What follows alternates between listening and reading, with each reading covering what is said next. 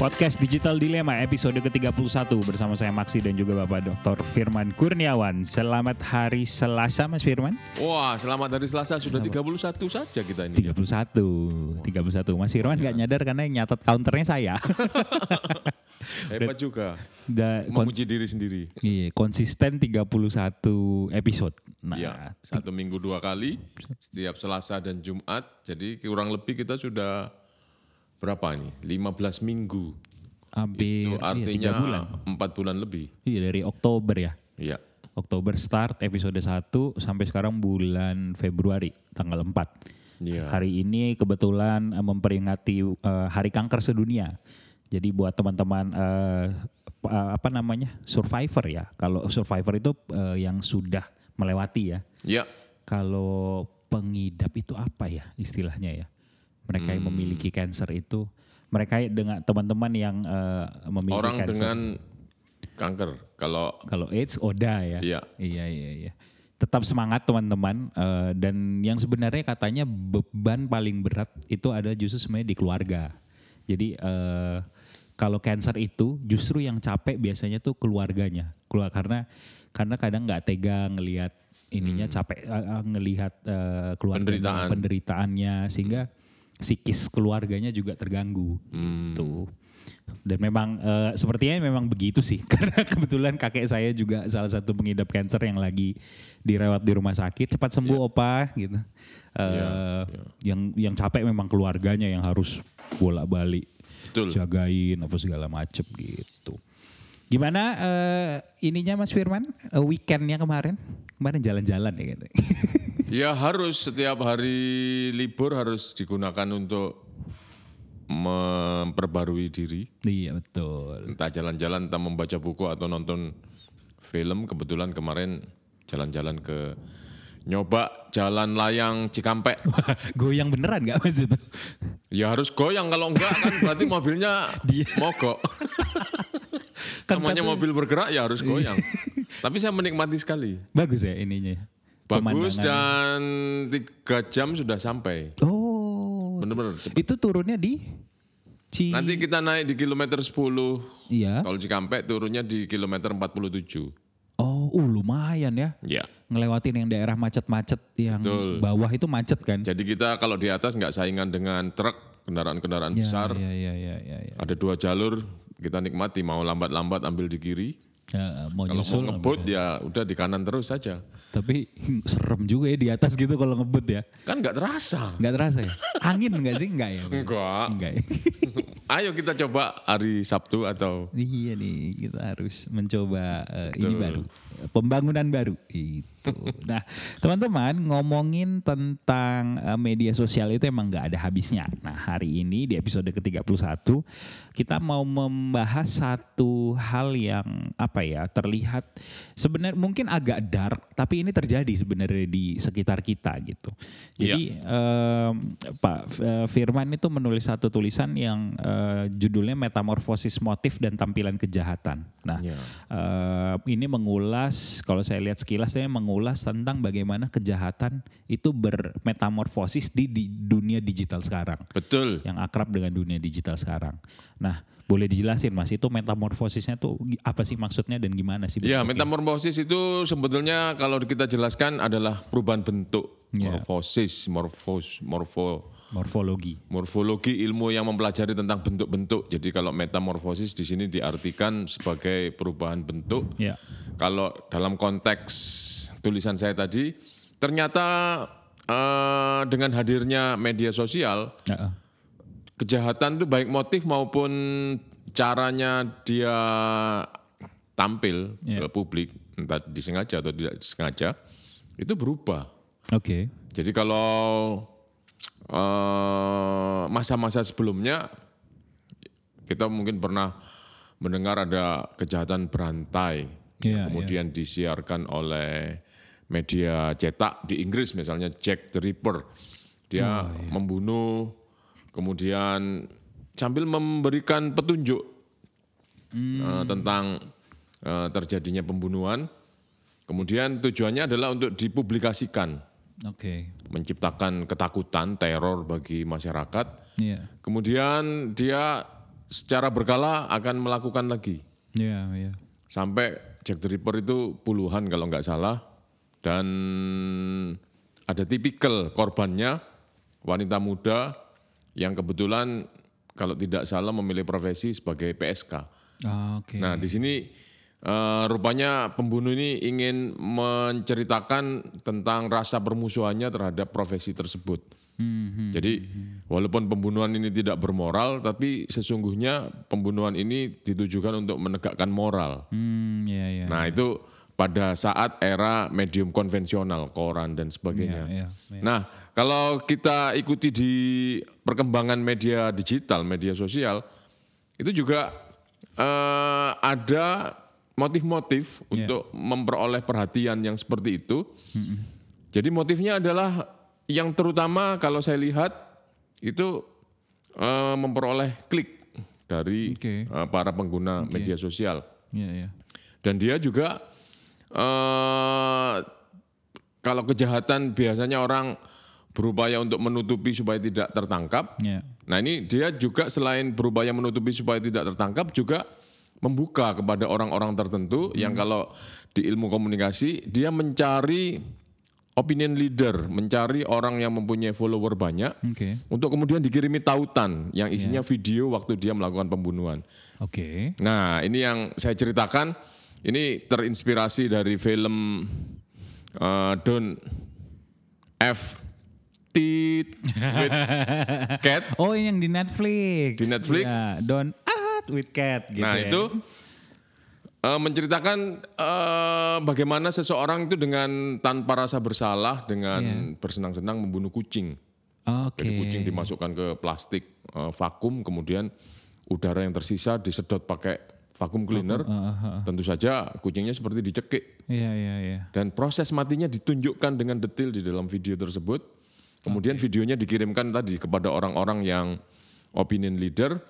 Kemudian harapannya orang-orang ini juga menyebarkan kepada networknya Ah, iya, sehingga iya, timbul kehebohan. Nah, tetapi kalau misalnya itu hanya sekedar membunuh nyamuk atau membunuh eh, binatang yang yang memang eh, lazim kita musuhi, kecoa Iya, misalnya, iya, heeh. itu tentu tidak akan menimbulkan perhatian. Tapi Iya. caranya dia memilih binatang, caranya dia melakukan pembunuhan, itu benar-benar menyebabkan orang untuk melakukan klik, penasaran. Iya, iya. Nah, jadi motifnya yang pertama adalah membangkitkan eh, rasa penasaran. Iya. Yang kedua, dia ini sebetulnya mempunyai eh, problem kepribadian. Ini mungkin lebih tepat kalau dibahas oleh teman-teman psikologi. Iya, iya. Eh, dia mempunyai cita-cita menjadi pesohor di bidang fashion dan pertunjukan, tapi Iya. gagal. Oke. Nah, sehingga dia dengan caranya, oke, saya tidak diterima di dunia film, saya tidak diterima di dunia permodelan, saya bisa membuat medium sendiri yang saya juga akan memperoleh perhatian Iya. sebesar jumlah penonton eh, film Oscar misalnya. Hmm. Nah, sehingga dia caranya melakukan pembunuhan tuh kalau dirunut ada terinspirasi film yang sudah terkenal. Eh, yang pertama Catch Me If You Can. Oke. Jadi itu tentang kejahatan yang dilakukan oleh seseorang dengan eh, memalsukan cek. Iya, iya. Dia begitu licinnya sampai tidak tertangkap. Nah, si pembunuh yang saya ceritakan tadi ini, pembunuh kucing ini juga seperti itu, melakukan pembunuhan berulang-ulang tapi dia sangat licin, sangat pintar mem- me- mencegah dirinya untuk ditangkap. Hmm, hmm. Nah, kemudian eh, sebagaimana analisis para psikolog, orang yang mempunyai kecenderungan semacam ini, nanti permintaan untuk memperoleh perhatiannya akan semakin naik. Nah, dari membunuh kucing dia kemudian eh, naik membunuh manusia. Oh, sampai membunuh manusia. Ya, nah itu yang mengerikan. Caranya membunuh terinspirasi dari film mungkin eh, tahun 92 ini filmnya Basic Instinct. Ya, ya, ya, ya. Sharon Stone. Sharon Stone. Nah itu ada basic insting satu dan dua. Wah, iya benar. Cara membunuhnya pakai pemecah es. Nah ini ditiru Oh, dan ini manusia. manusia. Oh. Teman kencannya sendiri dibunuh, Dan dia tunjukkan di video, kemudian disiarkan, didokumentasikan tetap. didokumentasikan. Nah, dia menyiarkan ke, melalui orang apa, apa eh, pesohor-pesohor itu, Mas. Dia nge-share gitu. Iya, Oke oke oke. Motifnya masih sama dengan yang Betul. kucing ya. Oke Iya. oke oke oke. Dan dia sudah bisa menduga pasti ada yang memperhatikan saya dan kemudian membicarakan saya. Syukur-syukur kalau melakukan tindakan tertentu, maka saya akan dibicarakan. Nah, memang di film itu ditunjukkan ada sekelompok orang yang menerima tautan itu akhirnya membuat grup Oke. berusaha menyingkap siapa sih pembunuh kucing yang sangat sadis ini. Iya iya. Diteliti mulai lokasi tempat pembuatan videonya ini kira-kira di mana. Netizen beraksi ya. Nah, dari wajahnya yang hanya terlihat sebagian, ini kira-kira wajahnya siapa? Ah, Coba ditelusur, jadi dengan kemampuan detektif eh, privat melakukan eh, analisis, Iya. emang akhirnya terkumpul sedikit demi sedikit informasi. Hmm, hmm, hmm, hmm, hmm. Seperti itu. Nah, yang nah ini omongan kita mengandung spoiler. ya ini Wak, ini eh, salah satu rekomendasi serial yang kita eh, inilah buat teman-teman nonton lah gitu. Nah, ya. tapi yang jelas dengan hadirnya media sosial tadi ada motif baru ketika seseorang melakukan kejahatan yaitu Perhatian. memperoleh perhatian. Ah, Jadi ketika kita tidak memperoleh perhatian di dunia nyata, ketika sebagian cita-cita kita tidak tertampung oleh medium konvensional, Iya iya. itu adalah alternatif. Mungkin kalau di runut secara cara berpikir inovatif, ini inovatif. Tapi mengingat yang dilakukan adalah kejahatan, sama sekali ini tidak inovatif. Di Iya, sini benar-benar. letak dilemanya. Iya iya iya. Jadi media sosial memancing orang untuk menyalurkan frustasinya dengan cara yang toksik di sini. Iya iya iya iya. Nah, seperti itu. Oke. Eh, apa yang kemudian bisa kita lakukan? Ya, jangan memberi sambutan, jangan memberikan tepuk tangan. Iya iya. Karena dengan begitu kita memberikan sambutan, tepuk tangan dan sebagainya akan memancing pelaku-pelaku lain yang tidak tertutup kemungkinannya akan berbuat lebih sadis, Iya iya. lebih mencuri perhatian. Ah, membunuh dengan eh, menggunakan pisau itu sudah biasa, itu mainstream.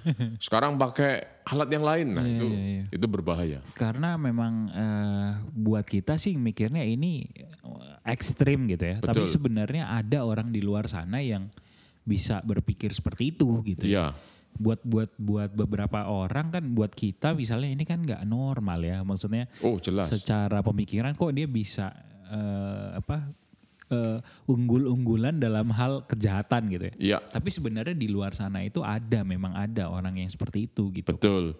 Jadi kalau di ilmu kriminologi atau yang paling tidak kita sering lihat di film-film, Iya. setiap tindakan kejahatan kan selalu dicari motifnya. Iya, betul. Apa yang menggerakkan? Nah, macam-macam yang menggerakkan orang untuk melakukan pembunuhan bisa dendam, bisa ingin menguasai harta, bisa karena mm, Asmara. Wah. asmara. Nah, di era media sosial ini pembunuhan bisa dilakukan karena seseorang merasa cita-citanya tidak tercapai, kemudian dia eh, memainkan peran yang ingin dia perankan, Iya, iya, iya. atau ya itu tadi memperoleh perhatian publik Iya. yang secara lazim diperoleh ketika kita berprestasi. Iya, iya. Nah, dengan ketersediaan media sosial yang gratis dan banyak pengikutnya, Iya. Eh, apa rasa seseorang ingin memperoleh perhatian itu sekarang dengan mudah Iya, diperoleh. iya. Ini kalau saya tarik ke belakang sebenarnya kan lebih ke eh, dengan media sosial kita bisa membentuk identitas yang kita inginkan gitu kan. Betul.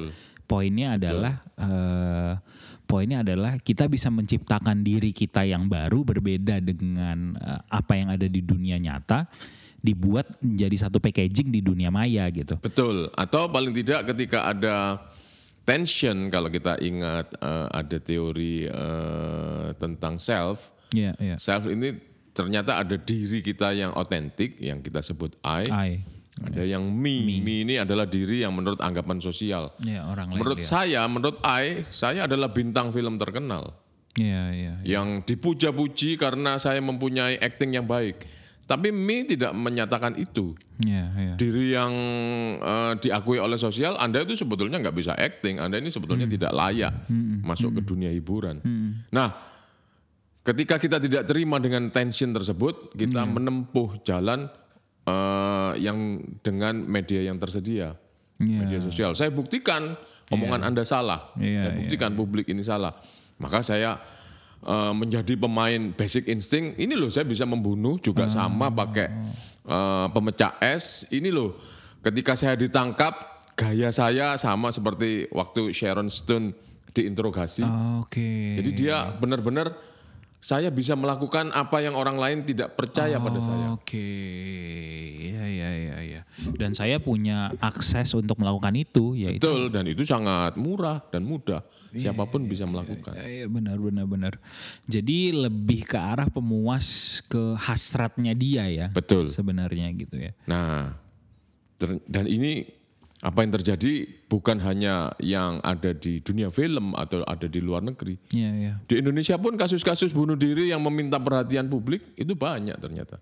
Iya betul. Memang betul betul betul. Bunuh diri berbeda ya dengan kasus membunuh orang lain, tapi bahwa tindakan menghilangkan nyawa ini kemudian eh, bermotif untuk memperoleh perhatian. Iya, iya, ini di Indonesia sudah banyak sekali. Eh, paling tidak di eh, tahun 2017 ada seseorang yang eh, ditinggal pasangannya, ditinggal istrinya Iya iya. dan dia tidak tahu mengapa dia ditinggal. Itu kemudian melakukan bunuh diri sambil eh, sebetulnya saya ini tidak berani melakukan ini, tapi demi untuk menciptakan kenangan pada istri yang menyakiti saya, ya sudah saya lakukan ini. Kemudian dia melakukan bunuh diri. Iya iya iya iya. iya. Di Desember 2019 juga ada seperti itu. Jadi sudah berulang-ulang. Jadi media sosial yang memberi pengaruh buruk, memberi inspirasi yang di luar eh, kelaziman itu bukan terjadi di luar sana, Iya iya. bukan terjadi di masyarakat yang memiliki peradaban yang maju, Iya iya. tapi di sekitar kita yang bahkan di daerah-daerah Indonesia yang kita tidak duga ada kecanggihan semacam itu, Iya. itu ternyata terjadi. Malah dimanfaatkan dengan cara yang ekstrim ya. Betul. Iya iya iya. Dia jadi semacam enabler ya atau katalisator untuk mem, apa namanya membuat apa yang dia inginkan itu didapatkan gitu Ya. ya. Menjadi faktor pemungkin Iya faktor. media sosial, media digital ini. Dan banyak juga kan sebenarnya kasus-kasus yang misalnya eh, di rumah dia di, dilarang ngapa-ngapain baru Ya. anak ini mengekspresikan dirinya akhirnya melalui media sosial. Betul. Misalnya seperti itu gitu. Betul. Nah itu contoh yang misalnya tidak terlalu ekstrim tapi yang contoh ekstrimnya bahkan sampai ke pembunuhan tadi Ya. sampai eh, bunuh diri segala macam gitu ya. Betul. Berarti ini tuh menunjukkan bahwa sang apa ya sangat ada ke ke nyaru gitu mas kalau bahasa saya apa Eh, tersamar, tersembunyi, laten. iya ada hubungan dunia maya dan dunia apa dunia Nyata. nyata, ini tuh benar-benar saling mempengaruhi Ya, dan saling dan dan dunia maya itu seberpengaruh itu gitu Betul. terhadap dunia fisik gitu kan beberapa riset yang dilakukan teman-teman mahasiswa saya itu banyak. Ternyata motif mengapa ketika kita menggunakan Instagram atau waktu itu pet Iya. eh, yang ditampilkan seperti itu. Jadi kalau kita duga sekarang orang itu random Iya. melakukan sesuatu, eh, ya udah saya bepergian, saya menemukan sesuatu yang menarik, saya potret, saya upload. Iya. Kemudian eh, beberapa saat kem- lagi saya melakukan hal yang sama, saya ke tempat lain menemukan hal yang menarik, kemudian eh, saya muat. Nampaknya random. random Tapi justru kalau kita menggunakan teori eh, unconsciousness Iya. yang sangat dibawakan oleh Freud, Hmm. ketidakteraturan itu justru teratur. Oh. Jadi apa hal-hal yang eh, tidak kita sadari, tidak tercapai, Sebenarnya itu sebetulnya menjadi pendorong eh, motivasi kita melakukan sesuatu. subconscious itu yang bawah sadar itu. Iya, iya. Jadi teori iceberg juga seperti itu. Apa yang kita tampilkan di dalam kehidupan sehari-hari itu Hanya permukaan. hanya 10 persen, hanya permukaan. Iya, iya, iya. Yang tampil 10 persen kita baik, kita berbicara sopan santun. Kalau kita lihat kehidupan pembunuh berantai atau psikopat itu sangat diterima oleh Iya. masyarakat sekitarnya. Dia Iya, sangat sopan, sangat tidak diduga dia akan melakukan kejahatan. Hmm, Tapi yang 90 persen itu sering kali itulah yang menjadi faktor pendorong kekecewaan, cita-cita yang tidak tercapai, eh, kegagalan macam-macam. Iya. Itu bisa menjadi pendorong yang kemudian dikemas dalam Iya. perilaku. Nah, ketika perilaku tersebut bertemu dengan media sosial yang gratis digunakan, banyak pengikutnya, Heeh. itu tersalurkan. Iya iya dia dia jadi- menjadi faktor pemungkin yang Iya. sangat eh, ber- sangat berpengaruh Betul. karena dia menumpahkannya di situ gitu ya. Betul. Dia tidak bisa menumpahkannya di kehidupan nyata dia misalnya Iya. gitu. Jadi ya mau nggak mau dia harus melalui media sosial itu Iya. gitu. Iya, iya. Jadi ini menunjukkan kan masih ada tuh banyak orang yang berpikir bahwa media sosial itu eh, nggak berpengaruh sebenarnya sama media itu. Hanya main-main saja dan sementara. Iya, iya. itu Maksudnya sering kali kesalahannya di situ. Ya, dulu sebenarnya saya juga masih beranggapan seperti itu gitu. Ya. Tapi melihat semakin ke sini itu memang semakin apa ya? eh, Itu jadi bagian dari perpanjangan dari manusia itu sendiri gitu. Hmm. Jadi eh, apa namanya? Ini ini contoh contoh sederhana sih. Jadi Oke. eh, saya dengar cerita gitu, dengar cerita eh, dari keluarga lah gitu ya. Ada yang eh, ad- eh, orang itu keluarga itu ya bisa bisa sampai merasa sakit hati Iya, karena dikeluarkan dari grup WhatsApp betul. gitu.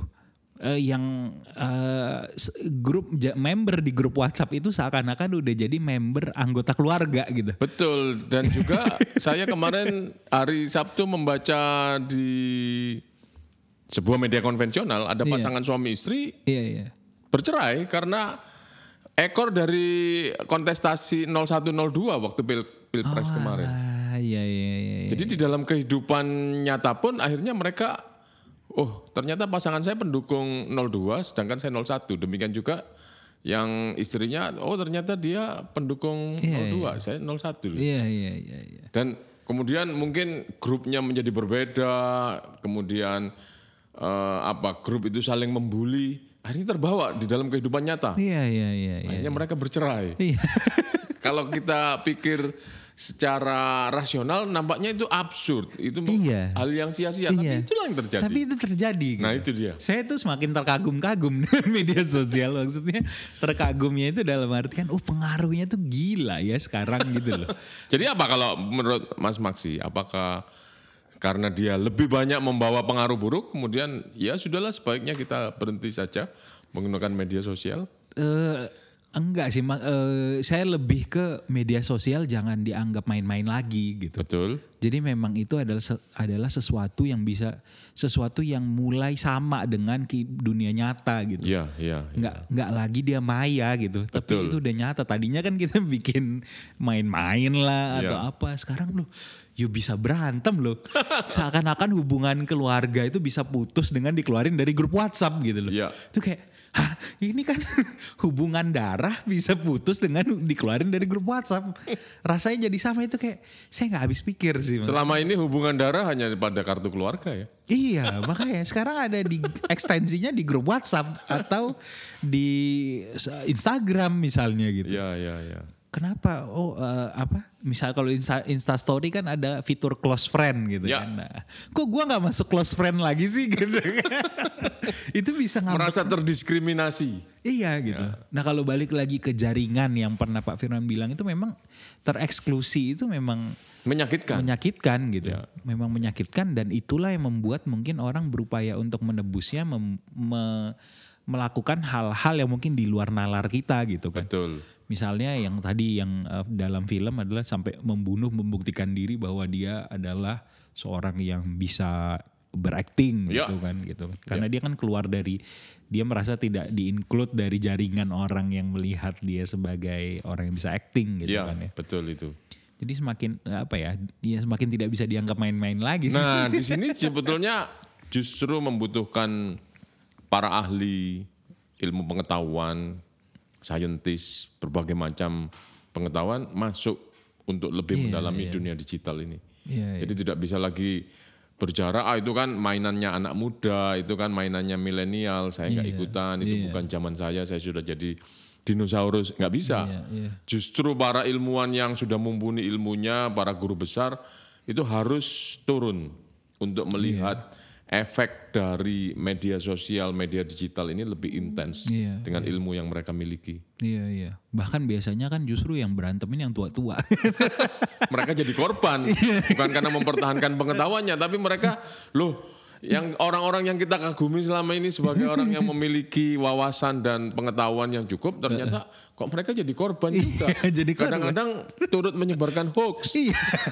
Malah yang miliki et- apa engagement atau hubungan yang erat dengan media sosial tuh biasanya yang senior-senior itu kan. ya. Iya, betul. Kalau yang muda kadang-kadang masih ah elah cuman itu doang gitu.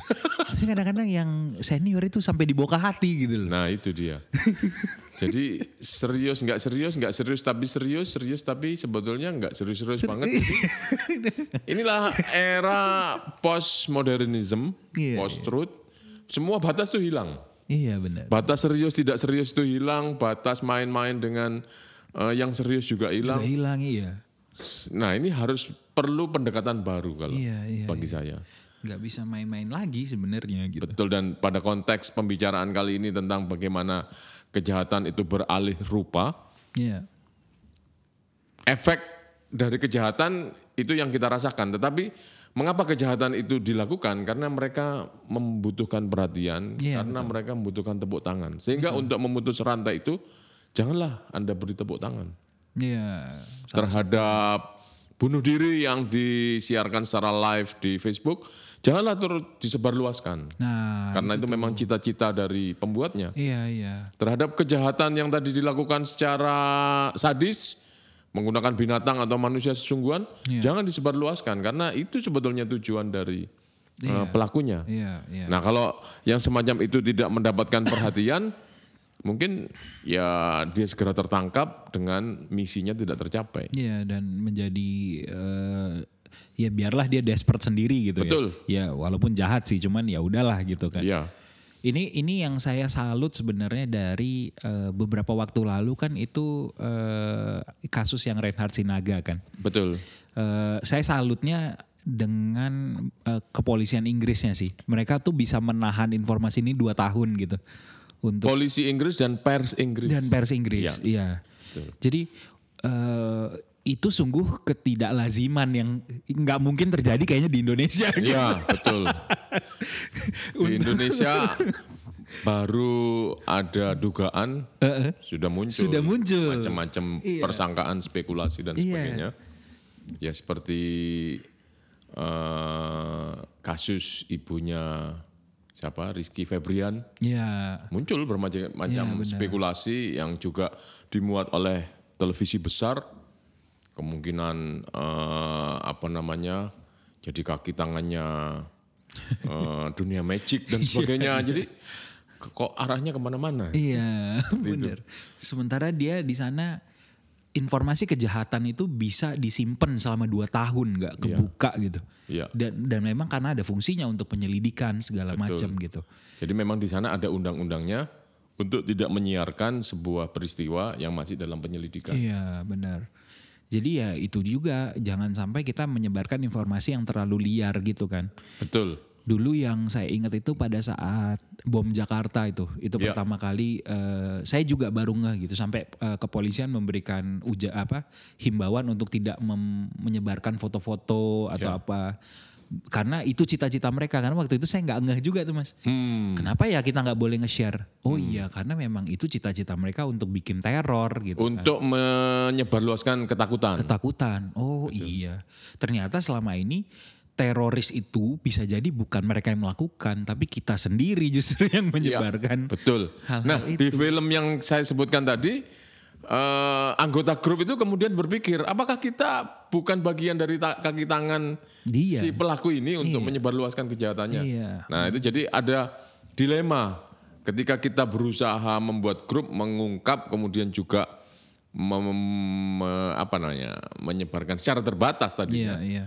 Tapi akhirnya terbatas itu juga merembet ke mana-mana. Iya. Dia memainkan peran yang diinginkan sebenarnya gitu kan. termasuk Netflix membuat film itu adalah keberhasilan pelakunya. Oh, saya didokumentasikan. Iya. Biarlah saya dihukum mati, tapi saya sudah pernah hadir di dunia Iya, ini, iya, tercatat dalam sejarah. Pernah mendapatkan perhatian seluruh dunia. Iya benar termasuk kita membicarakannya sekarang. Jadi apakah kita teroris hari ini? Jadi teman-teman sebenarnya eh, apa namanya tontonlah eh, serial itu karena insights-nya bagus lah untuk untuk Iya. menda- untuk kita merefleksikan eh, menyebarkan informasi, Merefleksikan informasi. garis bawahnya ada di situ. Betul, merefleksikan. Jadi jadi bahan pembelajaran lah karena jangan tiru kejahatannya tapi lihat bagaimana efek itu bisa terjadi loh di sekitar kita. Mungkin untuk hal yang nggak ekstrim, untuk hal yang sederhana.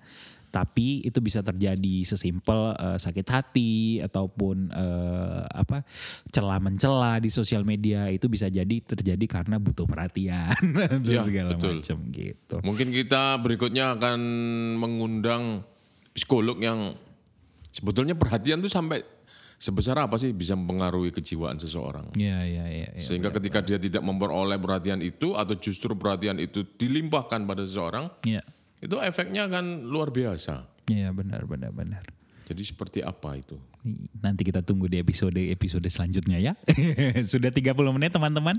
Eh, kita ketemu di episode selanjutnya. Eh, untuk episode 31 kami pamit. Dadah.